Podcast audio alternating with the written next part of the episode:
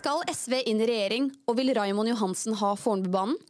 Denne uken går mot slutten, og det har skjedd litt av hvert i politikken. LO-kongressen har funnet sted, der Peggy Følsvik, overraskende vil mange si, stilte et krav om at SV må bli en del av Støre-regjeringen. I Oslo står Fornebubanen i fokus. Ryker milliardprosjektet, og hva skjer egentlig på bakrommet? Med meg i studio for å diskutere LO-kongressen og Fornebubanen er partner og seniorrådgiver Jon Georg Dale, tidligere samferdselsminister og stortingsrepresentant for Frp, og seniorrådgiver Øyvind Arum, tidligere kommunikasjonsrådgiver ved byrådslederens kontor og rådgiver i arbeidsgiverorganisasjonen Virke, Viken fylkeskommune og partikontoret og stortingsgruppen til Arbeiderpartiet. Mitt navn er Anette Ringnes, rådgiver i First House, og jeg er programleder for denne First Cast-episoden. Velkommen! Under pressekonferansen denne uken la Raimond Johansen frem seks krav fra Oslo Ap for å fortsette utbyggingen av Fornebubanen. Nå, torsdag 2. juni, har Viken fylkeskommune gått med på å finansiere Majorstuen stasjon. Var kravene en god idé? Å redusere Vikens finansiering sannsynligheten for at Fornebubanen skrotes, Øyvind? Altså, Det de gjør, er å åpne forhandlingsrommet, og det var det som var hele planen med utspillet.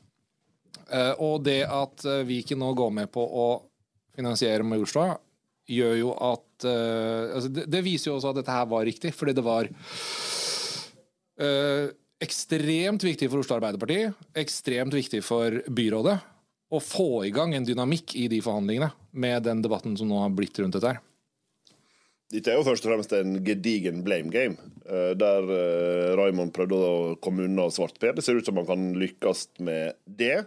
Men problemet med Fornebubanen-prosjektet er jo at det over tid har fått eh, betydelig økte kostnader. Oslo skrev under på en avtale for en måned siden, og så plutselig snur Arbeiderpartiet på flekken. Etter at Oslo har fått store deler av samferdselspengene fra Oslopakke 3 i veldig mange år, så var det Viken sin tur. Og nå har han starta et spill som det kan godt hende han kommer godt ut av, både som, eh, for Arbeiderpartiet, men også uh, I hvert fall hvis du tenker på eh, kommunevalget neste år. Men det kan jo også reelt sett bidra til at den utviklinga som alle sett skal komme på Fornebu de neste åra, blir ytterligere skyvd ut i tid, med den risikoen det gjør både for boligpriser i Oslo og for at byutviklinga eh, i randsonen til Oslo stopper helt opp. Jeg mener at you're touching with, a needle når du snakker om eh, boligutvikling. Fordi Oslo vokser, Oslo vokser hele tiden. Du ser det på eiendomsprisene i denne byen, så, så er det blitt eh, eh, ja, Om ikke uhåndterlig, så er det kommet opp på ganske ekstreme nivåer mange steder. Eh, og det gjør at eh, og reguleringstakten har vært for lav. Antall boliger hvert år det går ikke fort nok. og Dette vet politikerne. De prøver å dytte gjennom så mange prosjekter som mulig, men man klarer ikke å holde tritt med det.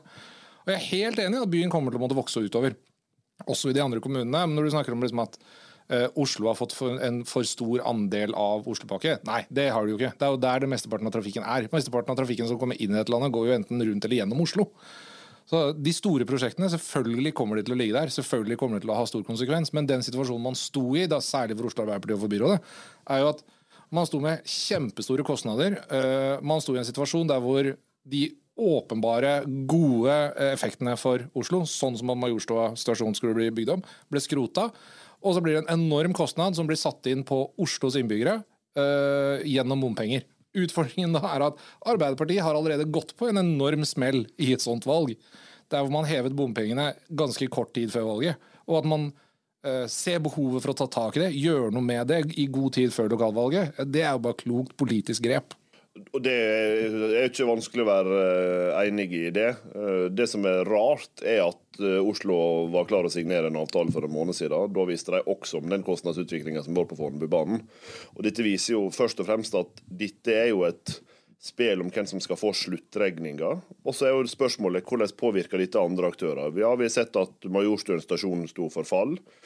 Uh, I min gamle jobb mente jeg at det var mulig å gjøre det prosjektet mye billigere og likevel løse de grunnleggende utfordringene i det. Jeg skal ikke gå langt inn på det, men det som vi også kan se nå, er jo at flere av de stasjonene som f.eks. var planlagt langs Fornebubanen, som skulle utløse ny aktivitet, Vekerø f.eks., uh, kan fortsatt ryke. og med andre ord så får ikke ut den effekten av investeringen som gjøres. Sånn at det er litt av de dilemmaene som både politikerne i Viken, men også i Oslo Eh, burde virkelig ta på alvor, det er jo hvordan får du opp synergiene av den eh, banen hvis de først kommer. Det er det ene. Og det andre er, hvis de setter den fullt og helt i spill, hva er de reelle alternativene til ei gigantisk boligutbygging eh, vestover?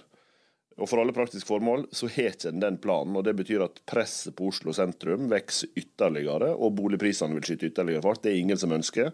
Og Det er den situasjonen de risikerer å nå male seg helt inn i, og ikke komme seg ut av før det går altfor lang tid og kostnadene har gått ytterligere opp. Men det var jo også, det er verdt å merke seg hva Raymond innledet hele pressekonferansen med.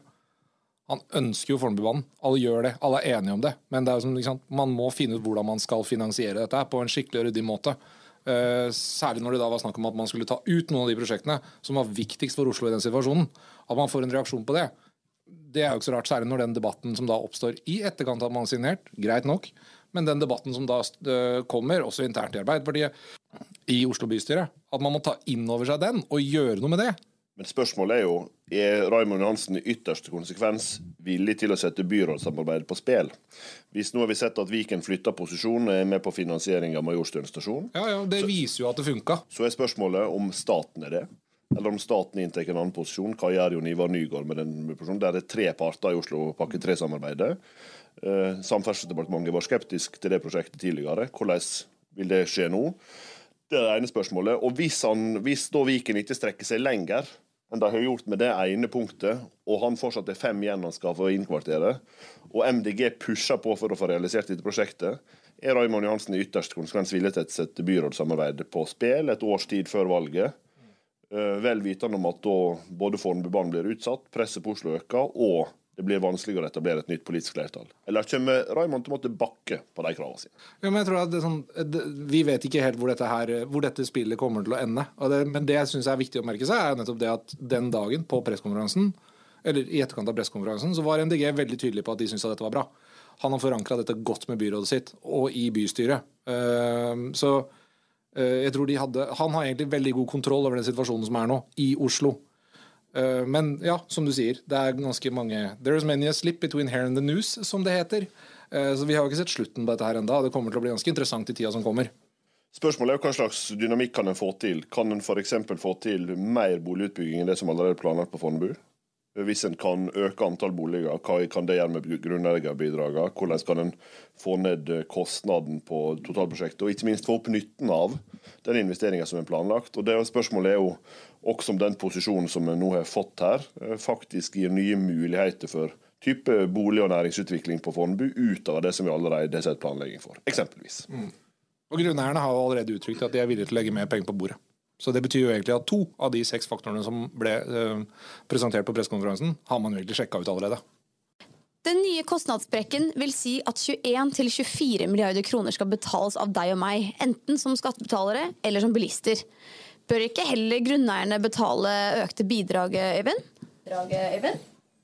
Men det har de jo sagt seg villig til. Eh, så Det er for så vidt et positivt signal, eh, og et viktig signal. Eh, og når du kobler det med at Viken har sagt at de kan betale Majorstua stasjon, så har man utfylt to av de seks punktene som Raymond la fram på tidligere denne uka.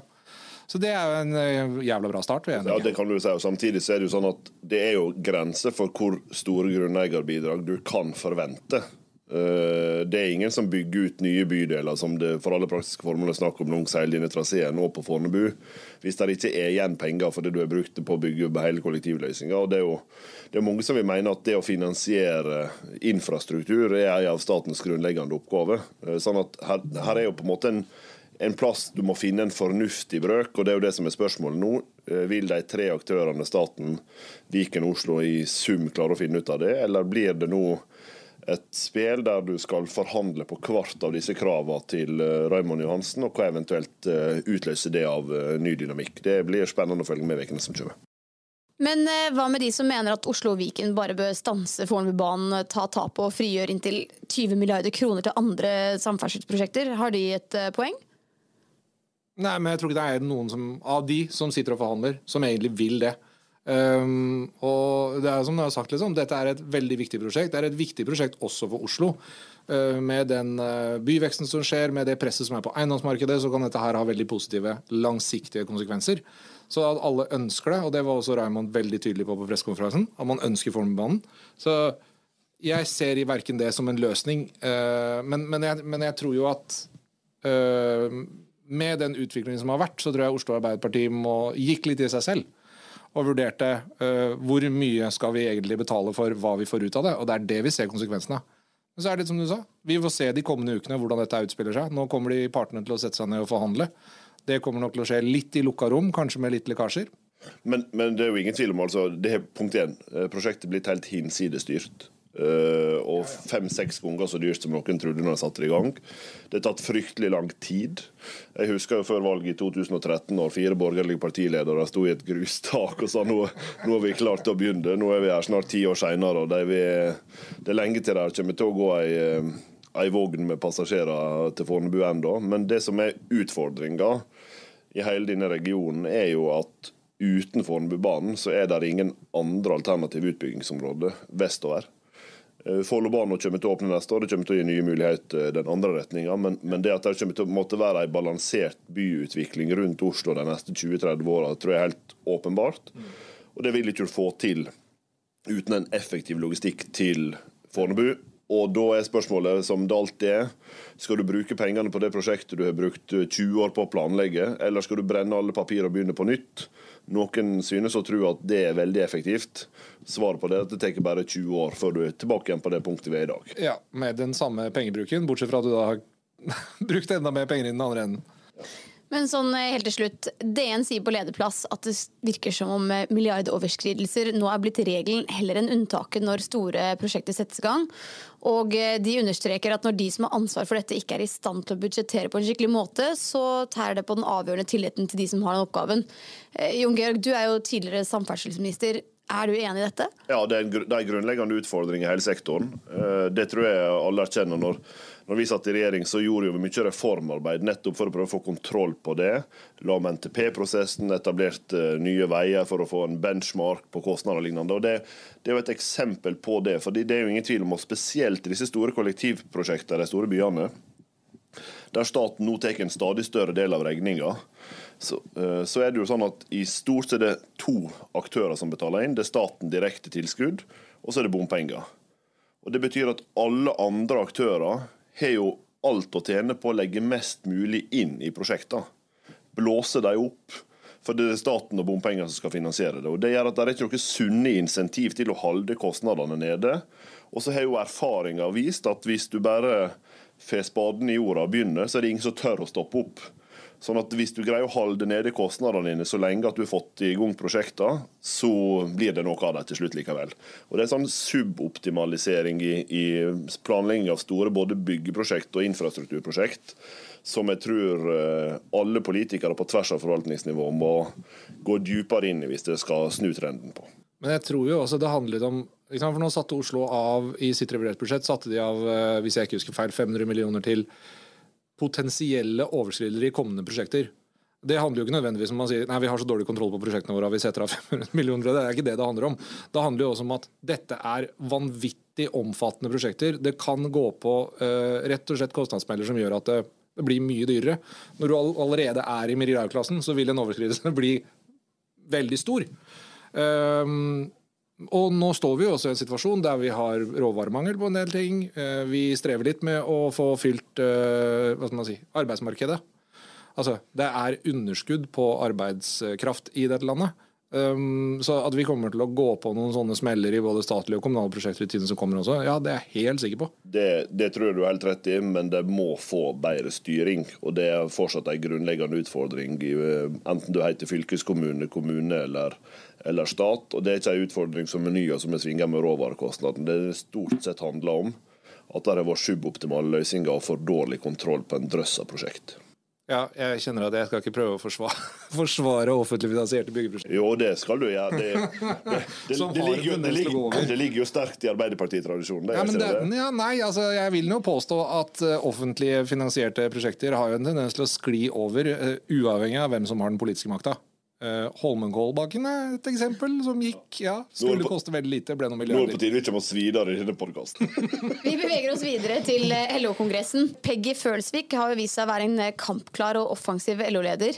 Uh, hva tror dere var målet til Peggy med å jobbe for å få SV inn i regjering? Altså, representerer dette en slags radikalisering i LO, og vil det bety at Ap vil måtte bevege seg lengre til venstre i politikken? Nei, det representerer ikke en radikalisering av LO. Jeg syns egentlig ikke det var så overraskende at det, det kom. Altså, kan godt si at, at, hun var så tydelig på det var spesielt, men uh, at SV I det, i det forrige rød-grønne prosjektet så var jo SV en essensiell del og spilte en viktig rolle på å utvikle en god arbeidsmarkedspolitikk. Og så skal det jo sies at denne regjeringen har levert veldig mye god arbeidslivspolitikk, som uh, Jonas lista ganske godt opp i sin tale på Kongressen. Eh, men vi ser også eksempler på sant, feriepenger for uh, permitterte, som i den første revideringen av det inneværende forrige regjeringsbudsjett som uh, regjeringen, denne regjeringen la fram, der fikk de ikke med de der feriepengene til permitterte, og det var det SV som fikk inn i forhandlingene. Så at Peggy ser at de har en positiv effekt, det er jeg ikke så overraska over. Er du enig i det, Jon Georg? Nei, jeg mener at her bomma LO-lederen grovt. Uh, av flere grunner gjorde hun det. Det ene det var at hun satte uh, sin egen partileder og statsminister Jonas Gahr Støre i en sabla skvis. Han kunne jo ikke komme godt ut av en situasjon der LO, som har um, ja, i hvert fall betydelig innflytelse i Arbeiderpartiet, plutselig sier at vi må ta inn en annen, når de vet at det får Trygve Slagsvold Vedum og Senterpartiet til å se rødt på første uh, ved første mulighet. Og det gikk jo omtrent seks timer før hele den saken var punktert. Så det var jo en, var jo en politisk smell eh, som LO-lederen gikk på der. Men jeg tror bakgrunnen for det er jo at det skjer jo en voldsom venstredreining i hele norsk fagbevegelse. Eh, og Det er ikke alle som liker å snakke så høyt om det, men, men det er jo ingen tvil om at spesielt i de tunge forbundene som eh, håndterer veldig mange, eller organiserer veldig mange ansatte i offentlig sektor, så har vi sett en voldsom framvekst av SV-sympati. Og vi har for så vidt sett at Rødt har fiska ganske godt og lenge i de gamle Arbeiderparti-bastionene i fagbevegelsen. Og at en ny LO-leder som, eh, som skal prøve å liksom konsolidere sin egen makt i, i organisasjonen, ser at hun må svinge mot venstre for å ha kontroll på det gapet som er i ferd med å oppstå i deler av fagbevegelsen, sånn som det ser ut fra utsida. Det tror jeg er åpenbart grunnen til at hun gjør det. Men eh, for å styrke grunnlaget for den regjeringa vi har, så mener jeg at det er en gedigen tabbe. Jeg syns du bruker veldig store ord. Nei, altså Jeg er ikke enig i at det var en politisk smell. Det er et signal fra LO det er greit, det er innafor. Og så tror jeg ikke hun hadde venta at eh, Jonas skulle si 'den er god', da skal jeg ringe, liksom. Eh, men at, eh, at Trygve, er, Trygve Slagsvold Vedum er så klar på at dette ikke er aktuelt nå, det var jo også Jonas. liksom, Ja, døra er åpen, men på det nåværende tidspunktet er nok ikke det nært forestående. Så det var det liksom rydda greit av banen. Og så tror jeg du har et godt poeng i at LO opplever jo at man har en eh, dreining i medlemsmassen som går mot venstre. Og der er det jo annet Rødt, da. Får jo, øh, om de har jobba mobbevisst med det, eller om det bare sier noe om de politiske realitetene, øh, at de har fått flere tillitsvalgte, det ble flere forbund der de får økt innflytelse. Og det er noe Peggy må ta inn over seg. Og det betyr jo at de er blitt mer radikalisert, da, som du benekta i ditt første svar. Jeg tror ikke, Nei, Peggy er ikke blitt mer radikalisert. Nei, nei Det kan vi være enige om. Ja. Men, men, men, men, at det skjer en radikalisering, en klar forflytning mot venstre i deler av fagbevegelsen En forflytning mot venstre, ja. Men og det er jo, det er jo radikalt. det er jo radikal, radikalisering, syns jeg. Maktbalansen mellom eh, offentlig sektor og industrien, da? Blir den forskjøvet uh, som resultat av det? Ja, Det er jo et veldig godt spørsmål. Jeg mener jo vi har sett det over tid, at Fagforbundets posisjon er styrka. At den klassiske venstresida i, i LO eh, har tatt stadig større plass. Vi ser nå at det er en diskusjon på en helt annen måte om frontfagsmodellen. Ikke bare i LO, men i store deler av fagbevegelsen. Så er liksom normen alltid vært at du respekterer frontfagene. Industrien går først, de konkurranseutsatte arbeidsplassene liksom er normgivende for lønnsdannelsen og lignende. Og nå ser du liksom stadig flere som utfordrer det. Du ser det setter ved lærerne, vi setter på sykepleierne, og vi hører liksom at det går igjen også i deler av Fagforbundet. Og det, det tror jeg sier noe om ei retningsendring som er på vei i fagbevegelsen. Og øh, uten å bli for liksom, bastant i en politisk oppfatning, da, så er jo det Det er jo en, så en ny situasjon for Norge for vi har jo hatt en fagbevegelse som en, gjennom sin, sitt arbeid i trepartssamarbeidet har vært veldig tydelig på å ivareta interessene til den konkurranseutsatte industrien. Og Hvis den maktbalansen endres internt i LO, så kan det få store utslag for liksom, forutsigbarheten for norsk næringsliv i åra som kommer. Og det, det jeg mener i hvert fall er noen bør følge ganske tett med på hva det som egentlig utspiller seg internt i LO på det. Ja, men Frontfagsmodellen og det forhandlingsinstituttet har liksom vært en grunnplanke i norsk samfunn og norsk økonomi i mange mange, mange år. Eh, det kommer det fortsatt til å være. Det er jeg ikke så bekymra for. Jeg tror også det at vi eh, ser den, En av de diskusjonene som gikk på LO-kongressen, som det kanskje ikke var så mye oppmerksomhet i presset, men litt, er jo nettopp den derre olje eller ikke olje. Ikke? Hva skal vi leve av i fremtiden, som er Norges mest utbrukte setning. Men, eh, men da, da, er det jo nettopp den skillelinja som gjør seg gjeldende mellom uh, Fagforbundet og Fellesforbundet. Og det sier jo egentlig mer om tiden vi er i, og de megatrendene vi står i, hvis vi skal si noe om det.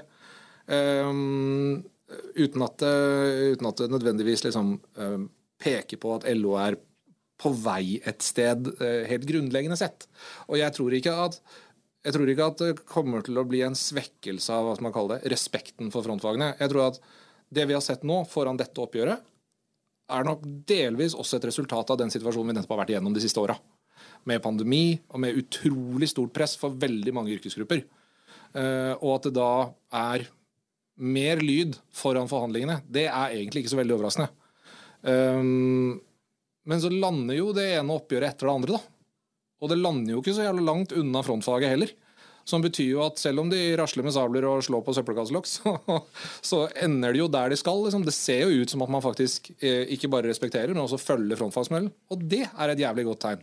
Og det, det vil jo jeg også lett være enig i. Det det som er interessant eh, når en skal liksom prøve å analysere dette, er om, om det er den varige posisjonen fortsatt, eller om det nå gjennom da at du får en tydeligere vekting liksom, mot venstre, som vi da har, har blitt enige om gjennom denne sendinga. Jeg jeg, jeg syns du fortsatt bruker litt større ord enn meg, men ja, ja, ok, men det, tendensen. Det, det er, er, jo sunnmørings. Litt storkjefta må han jo være. Men, men, men vi, vi, liksom, vi, vi, har sett at, at uh, SV og Rødt styrka seg på Eller styrka venstreaksen eh, i LO. Og vi sett at det er stadig flere som utfordrer liksom normen som frontfagene har vært. Og da er liksom spørsmålet er, du rett i at det er akutt her og nå, eller kommer vi til å se en dreining av det? Og hvis vi gjør det, hvordan svarer, hvordan svarer på en måte arbeidsgiversida på det? Punkt én. Og punkt to eh, rokker det ved noe av den grunnleggende trepartssamarbeidstanken som vi har hatt? Det tror jeg ikke det gjør. Men jeg tror, det, men jeg tror det, vi kommer til å se en motreaksjon i industrien, hvis dette er en akse der LO flytter posisjon for lenge, så tror jeg de begynner å bevege seg på den andre sida av bordet. Ja, og særlig når det hvis, hvis, øh, hvis, det fortsatt er en industri med veldig mange LO-organiserte øh, folk, og fortsatt stor inntjening, at den øh, konkurranseutsatte industrien fortsatt representerer det den gjør i Norge i dag, så tror jeg ikke LO kommer til å skifte posisjon. I bunn og grunn. Men det er litt sånn som du sier, da. Det blir interessant å se tida framover. For her må, man, uh, her må man ha mer enn én tanke i huet av gangen. Det tror jeg også Peggy er veldig klar over. Vi lar det bli eh, siste ord i denne episoden.